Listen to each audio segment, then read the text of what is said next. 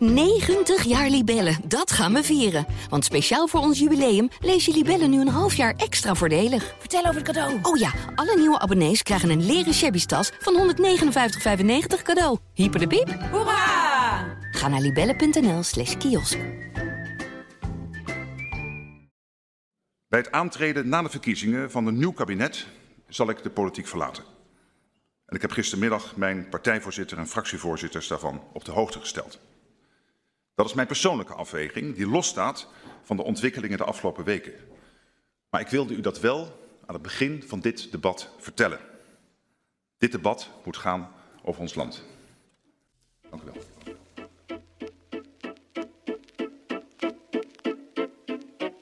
Hallo, dit is Haags Half Uurtje, de politieke podcast van Trouw. Mijn naam is Niels Marcus, de chef van de politieke redactie. Um, ja, dit is een bonusaflevering. Een paar dagen geleden zaten we hier nog met een terugblik op het, uh, wat wij dachten, het einde van het uh, politieke seizoen.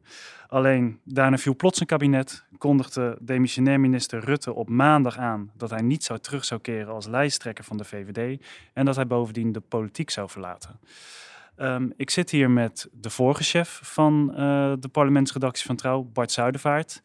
En um, nou ja, Bart is hier tien jaar chef geweest en heeft Rutte hier dus ook al die jaren meegemaakt als, uh, als premier, toch Bart? Dat klopt. Ik uh, begon hier in 2012 op de dag van de beëdiging van uh, zijn tweede kabinet. En in die tien jaar heb ik heel wat politici zien komen en gaan. Crisissen meegemaakt, gedoe, wachten bij dichte deuren, allerlei consternatie, maar er was altijd één constante in al die tien jaar en dat was Mark Rutte. En nu, ik ben echt uh, een paar maanden weg en nu gebeurt het alsnog uh, waar we lang tegenaan hebben zitten hikken met z'n allen. Het vertrek van de premier en uh, ja, de, kans dat er weer wat frisse lucht komt in, in Den Haag. Maar ik kijk naar de overkant Niels en ik moet ook een beetje even aan jou vragen, hoe is het met jou nu? ja, het gaat nog wel. Het waren wel hectische dagen, zeker... Nou omdat je al de hele week aan het aanhikken bent tegen de kabinetscrisis en de mogelijke valk van het kabinet. Ja, en dan komt plots die val eroverheen. Uh, wat dus een ontzettend druk weekend uh, betekende, waar echt de hele politieke redactie zich uh, nou ja, echt voluit de na heeft. En ja, we dachten maandag sluiten we het af met het debat. En toen kwam er plots nog een verrassing uit de hoge hoed. Ja, en dat was het vertrek van, van Mark Rutte.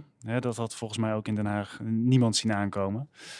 Um, ja, en misschien past dat ook wel weer een beetje bij de politicus die Rutte is. Hè? Het is wel iemand die, nou ja, toch vaak onverwachte dingen heeft gedaan tijdens zijn carrière. Misschien weet jij er ook nog wel dingen van, Bart. Dingen die, vind jij dit passend bij, bij de politicus die Rutte was? Rutte is natuurlijk een hele ja, calculerende man. Hij, hij is natuurlijk in staat om een paar stappen vooruit te denken. En, hij wil altijd heel graag zijn tegenstanders of zijn collega-politici uh, uh, verrassen. Hè? Hij wil, hij wil de, de, regie hebben, hij wil aan zet zijn. En wat er de afgelopen dagen gebeurd is, dat is natuurlijk aan de ene kant verbazingwekkend en, en schokkend, maar je moet, je moet je ook even realiseren hoe dat in de tijd gegaan is. Kijk, op, op vrijdag uh, viel het kabinet. dan komt natuurlijk de vraag van, en meneer Rutte, wat gaat u nu doen? Zijn eerste reactie, nou, ik heb nog steeds energie, ik bruis van de ideeën en als je het nu aan mij vraagt, dan blijf ik. Maar ja, dan, dan, ja, dan trekt hij zich terug zo'n weekend. En dan gaat hij ook nadenken van, wat betekent het eigenlijk als ik doorga? Wat gebeurt er dan? Hè? Uh, er hing een motie van wantrouwen tegen een demissionair premier in de lucht, waarvan de af, afloop van de stemming daarover onzeker was. Dus dat maakte zijn politieke toekomst uh, wankel. Ehm, hij heeft vier verkiezingen op rij gewonnen. Dat is een fenomenale prestatie. We gaan het later in de uitzending hebben over alle dingen die niet goed zijn gegaan onder Rutte. Want ik bedoel, daar kunnen we ook een uitzending over vullen. Maar laten we ook niet vergeten dat hij natuurlijk heel veel verkiezingen heeft gewonnen. Uh, wat was de kans dat hij ook deze keer zou winnen? Ja, dat was ook onzeker. Hè? En stel je voor, dan wint hij de verkiezingen. Vervolgens moet hij een, een, een, een kabinet of coalitie gaan formeren met partijen die hem zat zijn. Ook dat is risico. Dus, dus heeft hij gedacht, dit moet ik voor zijn. Uh, ik moet plaatsmaken en dit is het beste moment. Ja, ja, want je hebt natuurlijk al de afgelopen jaren gezien hoe dat vertrouwen in hem eigenlijk vanaf het moment, eigenlijk sinds de vorige verkiezingen is afgenomen. Hè? Uh, 2021 won hij weliswaar nog uh, wel de verkiezingen. Uh, alleen daarna volgde er een heel naar debat over Pieter Omtzigt. Hè? Hij had zijn naam genoemd tijdens de formatie. Of zijn naam was genoemd, ook door Mark Rutte tijdens die formatie. En eigenlijk ging daar al het, het politieke leven van Mark Rutte aan een zijde draadje. er werd een motie van wantrouwen ook toen tegen hem ingediend. Die overleefde die net omdat de coalitiepartijen, waaronder D66 en de ChristenUnie, toch net tegen die motie van wantrouwen uh, stemden. Ehm, maar eigenlijk is daarna, nou ja, heeft hij nooit meer het zagerijn wat over hem bestond in die Tweede Kamer. Hè, het, het, wantrouwen wat de vol, voltallige oppositie had, heeft hij nooit meer uh, kunnen herstellen. Niels, hebben wij, ik bedoel, we hebben, we hebben het daar vaak over gehad met elkaar. Weet je, hebben wij ooit eens tegen elkaar gezegd van, nou, dit is een stevig kabinet. Weet je, hier zit potentie in. Dat hebben we nooit gehad. We hebben, vanaf dag één uh, ook het gevoel gehad van, dit is een een vechthuwelijk. Hè? Dit is, dit is een, misschien een tussenkabinet, omdat het nou eenmaal een waardeloze kabinetsformatie geweest is. En, en er was op een gegeven moment geen andere optie dan een soort doorstart van Rutte 3. Wij zijn, niemand is er ooit enthousiast over geweest. Nee, nee en, de, en, de, en de grote dossiers die Rutte 3 niet oploste, hè, van stikstof tot uh, de crisis op de woningmarkt, tot uh, asiel uiteraard en uh, klimaat. Ja, dat, dat probeerde dit kabinet weliswaar op te lossen door de grote sommen geld tegenover te stellen. Hè? 25 miljard voor stikstof, 35 miljard voor klimaat. Alleen ja, als er dan vervolgens een principieel besluit genomen moest worden, als er politiek uh, besluiten genomen moesten worden, ja, dan, dan werden zaken vooruitgeschoven.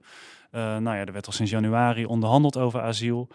Um, en ja, en dat het dan vorige week tot een ontploffing kwam toen er mede de druk vanuit de VVD hè, en eerder vanuit de VVD-leden, uh, dat het tot een ontploffing kwam toen er echt knopen doorgehakt moeten, moesten worden. Ja, dat, dat kan ook eigenlijk niet als een grote verrassing uh, worden gezien. Nee, dus kijk, de vraag die nu een beetje erboven komt is van uh, hoe gaan we ons dan Rutte herinneren? Hè? Is hij uh, eh, 13 jaar premier, langzittende premier uit de, uit de Nederlandse, Nederlandse, geschiedenis. Dat is een prestatie van formaat.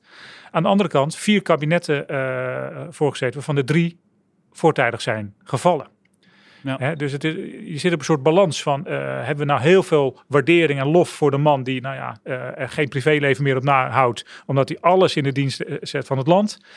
Of hebben we ook, uh, sorry, en daarnaast natuurlijk ook ja, een soort evenwichtskunstenaar is, is, is hij. Hij is natuurlijk in staat om, om uh, met alles en iedereen zaken te doen. Hij is, hij, als hij je nodig heeft, is hij je beste vriend. Hij slaat je op de schouder, hij omarmt je, hij knuffelt je bijna dood als het moet. Ja, en met partijen samengewerkt van SP tot GroenLinks, PvdA tot de groep Otte, hè, wat uh, toch een heel rechtspartij is. En de SGP, ja, je kan ze gek niet bedenken of hij heeft er een uh, deal mee gesloten. Hij heeft met iedereen hem op de achterbank gezeten in zijn dienstauto. Dan misschien zelfs op de bagagedrager van zijn fiets. Weet je, ik bedoel, iedereen die hij nodig had, die trok hij naar zich toe. En, en dat is natuurlijk ook wel iets waar je hem en ook zijn partij voor moet bewonderen. Hè. Ik bedoel, we hebben natuurlijk uh, Rutte 1 gehad met CDA en gedoogconstructie uh, met PVV.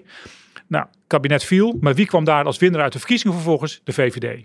Rutte 2, uh, dat was het, het huwelijk met de Partij van de Arbeid.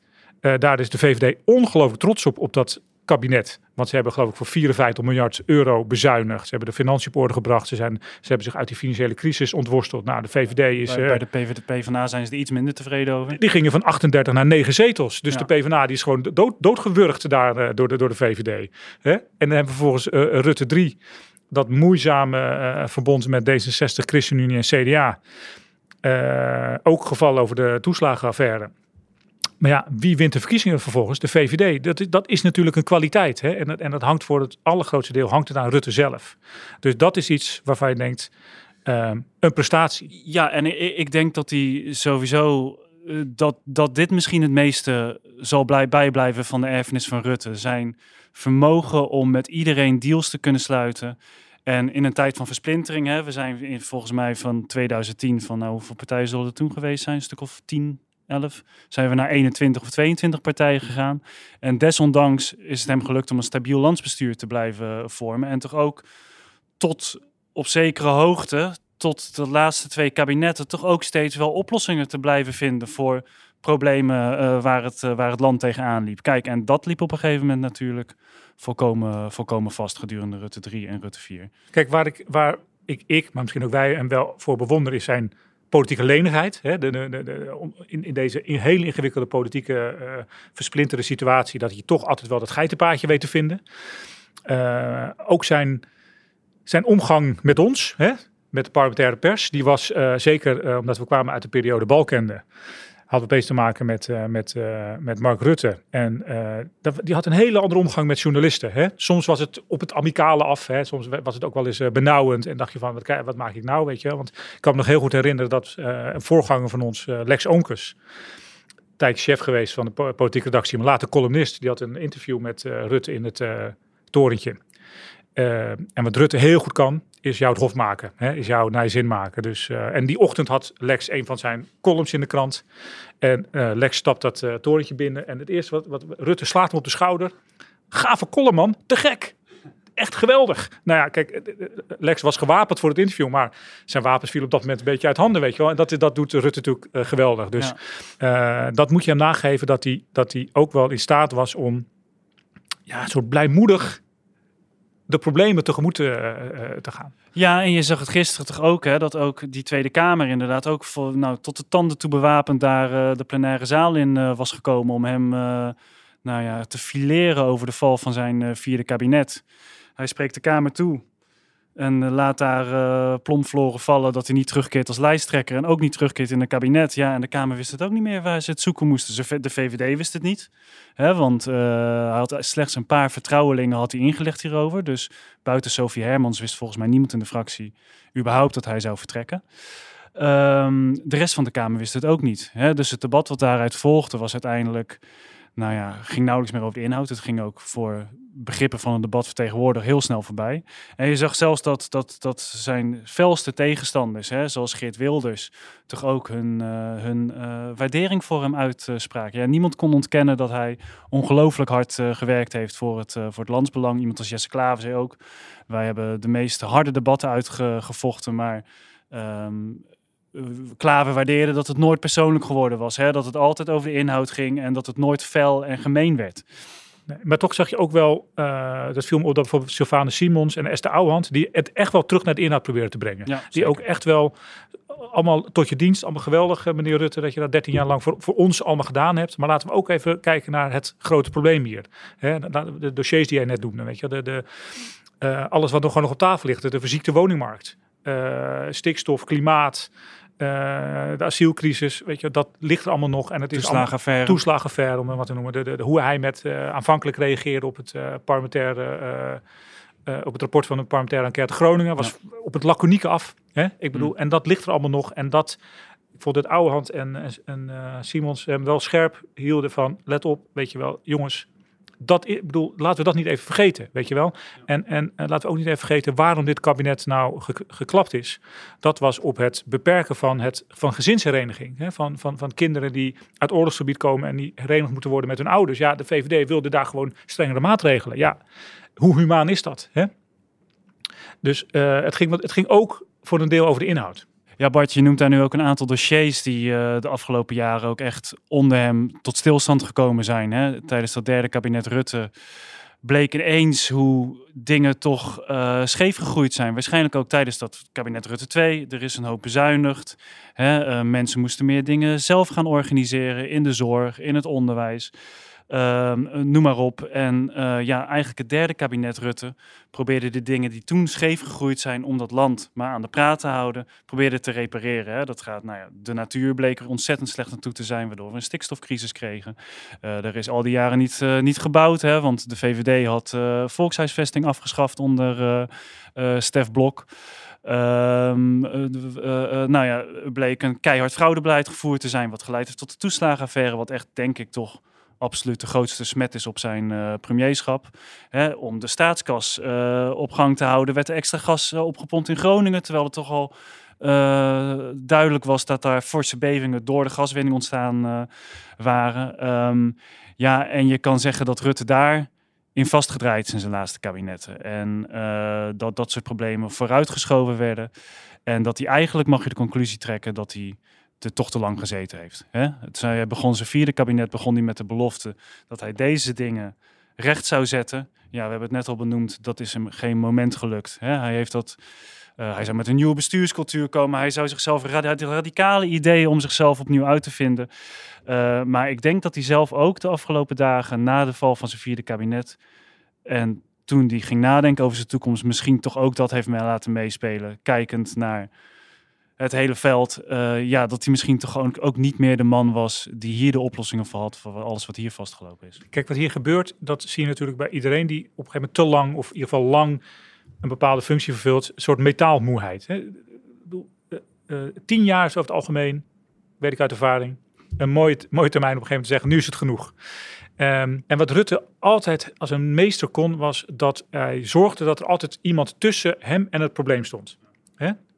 Hij was nooit de direct verantwoordelijke. Er was altijd een minister of een staatssecretaris uh, behapte met een probleem. En hij wilde eigenlijk pas dat op zijn bureau hebben in het torentje als het onhoudbaar was. Als er gewoon echt ergens een deal moest worden gesloten. Of in andere gevallen was er altijd iemand die daartussen stond. En dat is hem heel lang gelukt. Ook voor Groningen. Hè. Groningen was natuurlijk, uh, de, de, de, de gaswinning in Groningen was aanvankelijk het probleem van, van Henk Kamp. Als minister van Economische Zaken, Jeroen Dijsselbloem, minister van Financiën. Uh, de toeslagenverder, dat was een kwestie van nou, de staatssecretaris van Financiën die dat, die dat moest op, opknappen. Maar ja, toen kwamen de parlementaire enquêtes, hè, de parlementaire onderzoeken daarnaar. En dan is het opeens de premier die in beeld komt. En dan is de premier die al 11 of 12 jaar de macht heeft. Dus die zit met zijn vingers natuurlijk overal aan. Zijn vingers zitten op alle dossiers, ook op deze dossiers. En ja, de, we kunnen niet in zijn hoofd kijken, maar zou hij achteraf niet gedacht hebben, had ik maar plaatsgemaakt bij de vorige verkiezingen? Hè? Ja. Had ik maar, uh, wat was er dan gebeurd? Ja. Ja, ja, want je zag na die verkiezingen dat, uh, dat het alleen nog maar om hem draaide. Hè? Hij is tijdens zijn premierschap ook belangrijker geworden. Het premierschap, dat zag je ook al bij vorige premiers, maar wordt steeds, hè, in plaats van de eerste onder de gelijke, onder de ministers, wordt het steeds meer een soort presidentschap, weet je wel. Iemand die boven die ploeg staat. En de Kamer is hem natuurlijk ook steeds meer zo gaan zien. En hem steeds persoonlijker gaan aanvallen. En zeker na de verkiezingen. Uh, ja, moest Rutte zo'n beetje bij elk groot debat verschijnen. Hè. Over al die crisis werd Rutte naar de Kamer geroepen. Hij moest dat vervolgens gaan uitleggen. De coronacrisis, hè, moeten we natuurlijk ook niet onbenoemd laten, heeft hem een ontzettend groter aanzien gegeven als hoofd van het kabinet. Um, maar dat betekent wel inderdaad dat er niemand meer tussen hem en die problemen stond. En dat eigenlijk altijd Rutte als eerste persoon ter verantwoording werd geroepen. En wat er ook toe geleid heeft, nou je noemde net al, dat steeds meer partijen, nou ja, wie, wie heeft eigenlijk aangegeven dat ze nog wel met Rutte zouden willen samenwerken in een nieuw kabinet? Ja, 21. CDA? CDA, ja. Nou, dat, uh, de vraag is hoeveel zetels zijn het straks na de verkiezingen. Dus kijk, ja, Rutte is natuurlijk ook zijn knopen gaan tellen. Kijk, het moment dat er problemen zijn dan is het een grote probleem waar, waar dit land op dit moment tegenaan loopt. Dan is het natuurlijk een groot probleem dat voor Rutte dat hij zelf direct in beeld komt als de, de, de hoofdverantwoordelijke. Aan de andere kant is hij natuurlijk uh, op een gegeven moment geconfronteerd met een x aantal grote crisis. Je noemt zelf de coronacrisis. En dan is het opeens heel prettig dat hij het gezicht is. Hè? Dat hij, dat hij uh, de man is die het land leidt en, en richting aangeeft. En uh, natuurlijk een minister van Volksgezondheid, Hugo de Jonge, prima, maar er stond altijd een premier naast tijdens die vele persconferenties. En de premier begon. De premier die had altijd het inleidende verhaal en daarna kon de minister van Volksgezondheid de vervelende, vaak vervelende maatregelen gaan uitleggen. Maar de premier had de regie. Hè? En het was, hij, was, hij was eigenlijk de coronapremier. En uh, we hebben ook, hij heeft meer crisis uh, meegemaakt waarin hij toch ook wel uh, uitstraalde van ik ben de staatsman die dit land op het rechte uh, pad houdt. Ik, ik, kan me goed herinneren, het was bij de verkiezingen van, moet ik even goed denken, 2017. Ja. Uh, het, was, het leken best wel spannende verkiezingen te worden.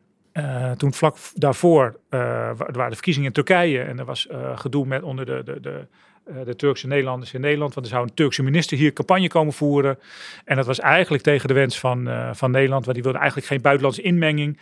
Nou, uh, mensen kunnen zich vast wel herinneren. Veel protesterende Turkse Nederlanders met uh, demonstraties, vlag op de Erasmusbrug in Rotterdam. Uh, het kabinet greep in, hè? Rutte greep in. Die zorgde ja. dat de Turkse minister gewoon het land werd uitgezet. Ja, en, recht voor het consulaat werd tegengehouden toen ook, ja. Ja, en die werd gewoon onder, onder begeleiding de grens met Duitsland overgezet. Ja. En dat was gewoon, ehm, dat was best wel bruut.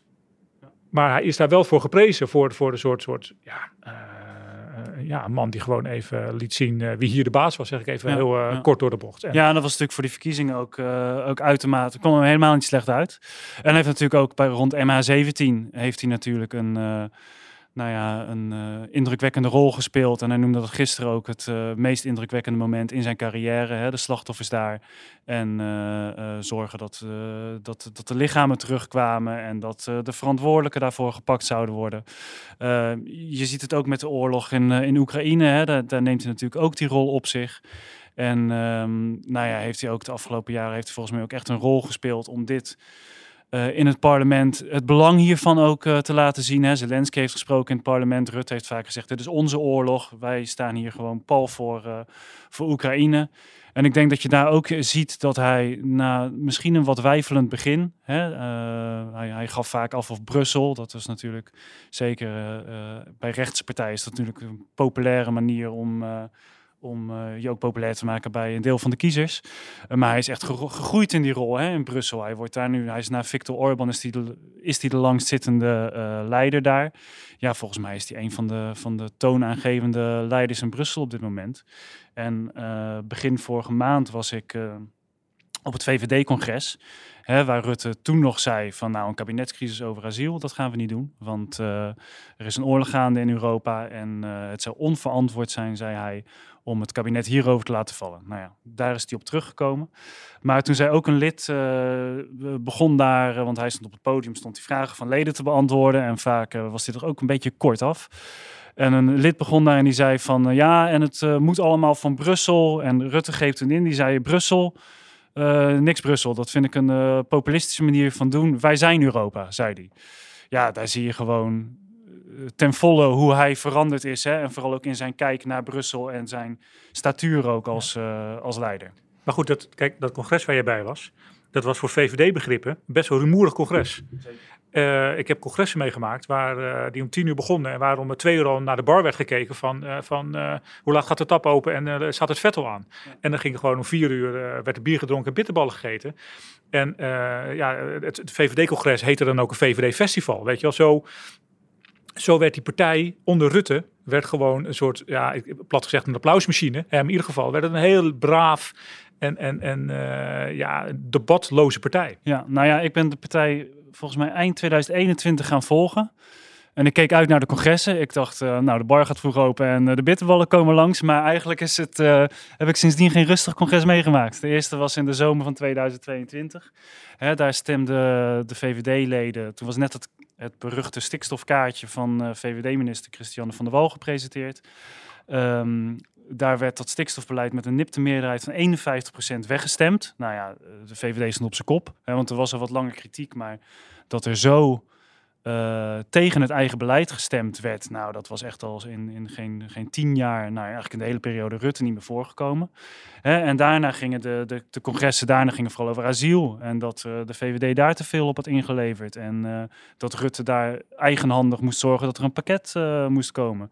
En eigenlijk is daar nou ja, is daar steeds meer uh, bij de, ik denk ook bij de VVD-top het besef ingedaald van uh, ja, dit, dit is, begint onhoudbaar te worden. Hè? De leden die beginnen te, te rumoerig te worden. We moeten echt iets laten zien op asiel. Ja, en dat bleek, uh, nou, ze zijn sinds januari erover aan het overleggen geweest. De druk vanuit de congressen, vanuit de leden, vanuit de fractie nam toe. En uiteindelijk heeft Rutte daar waarschijnlijk de knoop doorgehakt. Dit, dit gaat niet zo. Nou ja, in die zin is dat het kabinet valt over dit onderwerp is geen verrassing. Kijk, je kan natuurlijk het moment dat het knapt is natuurlijk ja, op dat moment zelf was natuurlijk vrij, in vrij korte tijd gebeurde iets heel explosiefs. Zeg ik, kwamen ontwikkelingen heel snel uh, volgden elkaar op. Maar dat het mis zou gaan op dit gevoelige thema, dat mag, mag geen verrassing zijn. Dat zag jij dus aankomen bij die congressen. Je, uh, je, zag het in de, de, debatten in de Kamer. Je zag het bij de coalitiebesprekingen over dit onderwerp. Dit was gewoon, ze, ze zouden hier nooit uitkomen. Uh, en de ChristenUnie die voelde dat natuurlijk ook heel goed aan. Die, die, die, die, die hebben bij de, de, de formatie van, uh, van uh, Rutte 4, bij de onderhandelingen over het akkoord, proeft hij al van, nou, dit wordt meer dan lastig. Met klimaat gaan we er wel uitkomen. Met stikstof, nou, misschien vinden we wel een geitenpaadje. Maar met asiel, daar zijn zulke fundamentele verschillen. Dat was gewoon het grootste probleem tussen deze vier. En nu, we gaan een reces in. Uh, eindelijk lijkt er een soort van rust over Den Haag te komen niet alleen Rutte is vertrokken, ook uh, nou ja, uh, CDA-leider uh, Hoekstra, Hugo de Jonge van dezelfde partij, Pieter Heerma hebben laten weten dat ze weggaan. Nou, er lijkt een hele politieke generatie terug te treden. Ja, hoe zal dat verder gaan deze zomer, denk je?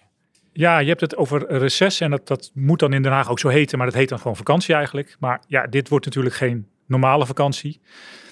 Eigenlijk, weet je, de Tweede Kamer is verhuisd naar een heel stoffig, vervelend, lelijk gebouw uh, naast Centraal Station. Maar weet je, de ramen staan open daar. Dat is eigenlijk wat er nu aan de hand is. De, de, de ramen zijn opengezet. En nu is het gewoon echt tijd voor verfrissing. Uh, je noemde net een aantal mensen die gewoon uh, die heeft plaatsgemaakt. Dat is inderdaad een generatie. De CDA moet op zoek naar iets nieuws. Maar laten we even beginnen met de VVD. Kijk, VVD komt deze week met een nieuwe, vanuit het hoofdbestuur komen ze met een kandidaat lijsttrekker. Hè, er, er, zal, er zal concurrentie zijn. Die heeft zich al gemeld. Hè. Er is een oud Tweede Kamerlid, André Bosman, toen woordvoerder energie.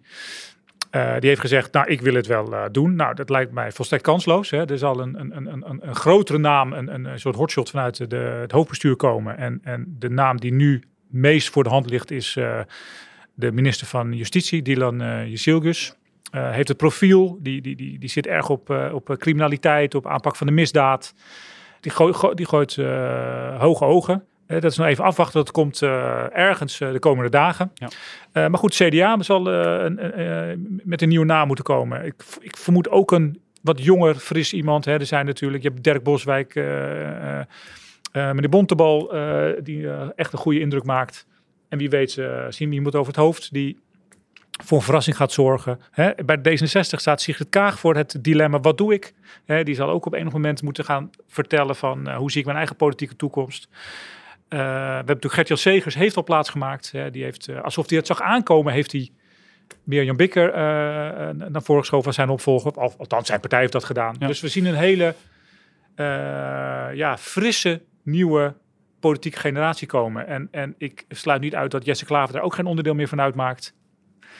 Uh, Adje Kuiken, ja, nou ja. de vraag of die de, de, de leider van de, van de, van de nou, laat ik zeggen, half gefuseerde fractie gaat worden. Precies, dat, dat brengt sowieso natuurlijk een nieuwe impuls ook, die, uh, uh, die, die groen-links PvdA samenwerking.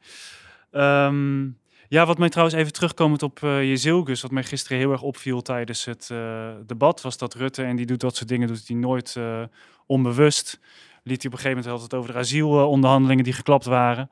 En uh, in, een, in een bijzinnetje zei hij, uh, Dylan Jezielgus, die overigens uh, een stuk rechtser hierop is nog dan ik. Kijk, dat soort dingen zegt hij niet onbewust. Die zegt hij natuurlijk ook omdat nou ja, de VVD-kiezer ook snakt naar een rechtsasielgeluid. Hè, dat is wel uit de congressen gebleken. Uh, ja, zij lijkt mij absoluut uh, de topkandidaat uh, op dit moment. Mogelijk dat, dat Sophie Hermans wordt hier en daar nog genoemd. Maar Vincent Karremans, de, de wethouder in Rotterdam, ja, die is, die is ook onbekender. Dus ik denk inderdaad dat Jezielgus hier hier het meeste kans maakt. Nou, het is ook bekend dat een, dat een redelijk groot deel van de achterban van de VVD vindt dat Rutte in de loop der jaren te veel is opgeschoven naar D66. Hè. De, te veel, nee, zij snakken een beetje naar dat tegengeluid tegen het, het nogal uh, uh, ja, brute uh, brute verhaal van, van, van de PVV. En Jezilkus, ja, die is inderdaad, zit aan de rechterflank van de VVD. Dus dat is, dat is wat dat betreft een hele sterke kandidaat. En verder verder horen we alleen maar mensen die het niet gaan worden. Ja. Dus het wordt wat dat betreft ook voor ons nog even afwachten. Dijkhoff heeft gezegd dat hij niet doet. Hè? Edith Schippers gaat het niet doen. En ja, misschien is dat ook wel ergens goed. Hè, dat je dat het inderdaad nu, want ja, wat jij zegt herken ik ook. De, de, ineens ontstond er ook een soort van opluchting in het debat. Hè. Mensen, volgens mij zei je Kuiken letterlijk, er, er ontstaat weer lucht. Hè, en dan is het denk ik goed dat ook mensen van een vorige generatie, zoals Edith Schippers, wat echt een vertrouweling was van Mark Rutte, die liep er ook sinds, nou wat is het, 2007 ongeveer rond. Um, en ook toch Klaas Dijkhoff is toch ook iemand, een architect van Rutte 3. Uh, ik denk dat het goed is als inderdaad uh, uh, echt frisse gezichten weer. Ja, en dan is het in, in dat, in, hierop voortbedurend is het ook interessant. Wat doet Pieter Omtzigt? Die natuurlijk, als hij door wil in sneltreinvaart, een partij moet, op, moet oprichten. Hij moet een kandidaat, een, een, programma. Dat wordt natuurlijk allemaal heel erg gehaast. Het kan natuurlijk. Maar om heel eerlijk te zijn, hij is ook iemand die hier twintig jaar rondloopt. Hè? Hij behoort ook tot uh, tot de oude generatie. Ja. Moet je dat willen? Moet je dan als, als, als iedereen met een jonge, frisse uh, ploeg komt, frisse namen, uh, moet je dan als min of meer oud-gediende daar tegen willen opnemen? Hij is mateloos populair. Hij is ongetwijfeld, uh, het is ongetwijfeld in de dubbele, dubbele aantal. Ja, hij kan zich ook aansluiten bij BBB natuurlijk, wat, wat direct ertoe zou kunnen leiden dat die partij veruit de grootste wordt. Maar ja, ja, terecht vraag die je stelt. Dit, zijn, dit worden veruit de uh, interessantste verkiezingen uh, uh, na Fortuin. Veruit. Ja. We hebben echt geen idee welke kant het op gaat. Nee, ik denk iedereen die nu een voorspelling zou willen doen, dat kan, maar geen enkele garantie. Hè? Kijk, het zijn natuurlijk ook eerder. De VVD krijgt een nieuwe leider. Het is eerder ook geweest met, met opvolgers van langzittende premiers. Je hebt na Balkenende is het CDA is, uh, is ineengestort. Nou, na Kok is de heeft een enorme klap gehad. Het zou kunnen natuurlijk. Rutte heeft misschien wel op het, op het, nou niet op het perfecte moment. Het perfecte moment was voor Rutte 4, maar op het ene beste moment heeft hij nu zijn afscheid al aangekondigd. Uh, hij heeft de partij nog een scherp profiel mee kunnen geven op asiel, wat heel belangrijk is voor die partij. Uh, hij treedt nu terug op een moment ruim voor de verkiezingen, waardoor de partij een nieuwe kandidaat kan zoeken. Ik bedoel, het veld ligt nu wel vrij voor, laten we zeggen, Jezielgus of wie het ook mag doen, om zichzelf vrij van de erfenis van Rutte. Ze zal aangevallen worden op deze asielonderhandelingen, ongetwijfeld. Maar om toch enigszins een eigen smoel aan die partij te geven. En enigszins met een eigen verhaal te komen. Um, maar ja, dus het, dat kan een succesvolle campagne betekenen. Het zou kunnen betekenen dat de VVD de grootste wordt. Maar ja, het is vol, volstrekt onzeker. Wat doet BBB? Wat, hoeveel links-progressieve kiezers weet de Partij van de Arbeid en de, uh, uh, GroenLinks aan zich te binden. Stel D66, mocht K gaan, daar een sterke kandidaat tegenover. Ja, het is ja. volstrekt. Uh, Misschien moeten we wel vrezen voor een vers verschrikkelijk, nog verder versnipperd politiek landschap. Ja. 25 partijen. Het valt niet uit te sluiten, nee. Ja, en dan, dan mis je ineens weer een, een Mark Rutte die met iedereen zaken kan doen. Ja, maar kijk, uh, uh, Niels, we hebben ook natuurlijk vaker meegemaakt dat het frame altijd van de VVD is geweest. En daar heeft Rutte ook altijd wel verkiezingen door gewonnen. Was dat als het moeilijk werd en het dreigde een heel ingewikkelde uitslag van de verkiezingen, dan was altijd het, wat, wat je door spindokters werd ingefluisterd. Ja, er is eigenlijk maar één iemand op dit, in dit land, maar één iemand die in staat is om deze partijen bij elkaar te houden. Echt maar één iemand. Want alle anderen die hebben de ervaring niet, die kunnen dit niet. En nu moet iemand anders het gaan doen. En dat wordt heel spannend. Zo Bart, we gaan langzamerhand uh, naar een afronding van de podcast. Wat uh, denk jij? Kunnen we deze zomer in de buurt blijven? Moeten we in de, deze zomer in de buurt blijven of kunnen we op vakantie? Volgens mij snakt iedereen naar een uh, paar weken vrij. dus we gaan er gewoon op uit. We gaan de, de, wereld in. sommige Kamerleden met de trein, anderen met het vliegtuig. Je weet precies wie ik bedoel. maar we blijven natuurlijk in de buurt. De telefoons staan gewoon aan. We zijn bereikbaar. We nemen de laptops mee. Uh, want de campagne gaat weer losbarsten, Niels. Ik vermoed, uh, nou, uh, half augustus, eind augustus krijgen we verkiezingsprogramma's. Komen er opeens weer nieuwe namen. We krijgen weer interviews met, met kandidaatlijsttrekkers. Niels, het is gewoon weer stilte voor de storm. Nou, we blijven een beetje in de buurt. en mocht er inderdaad, mocht er zich ineens nog onverwachte ontwikkelingen aandoen, dan kan Haags half uurtje deze zomer ook nog terugkomen. Maar in principe tot september.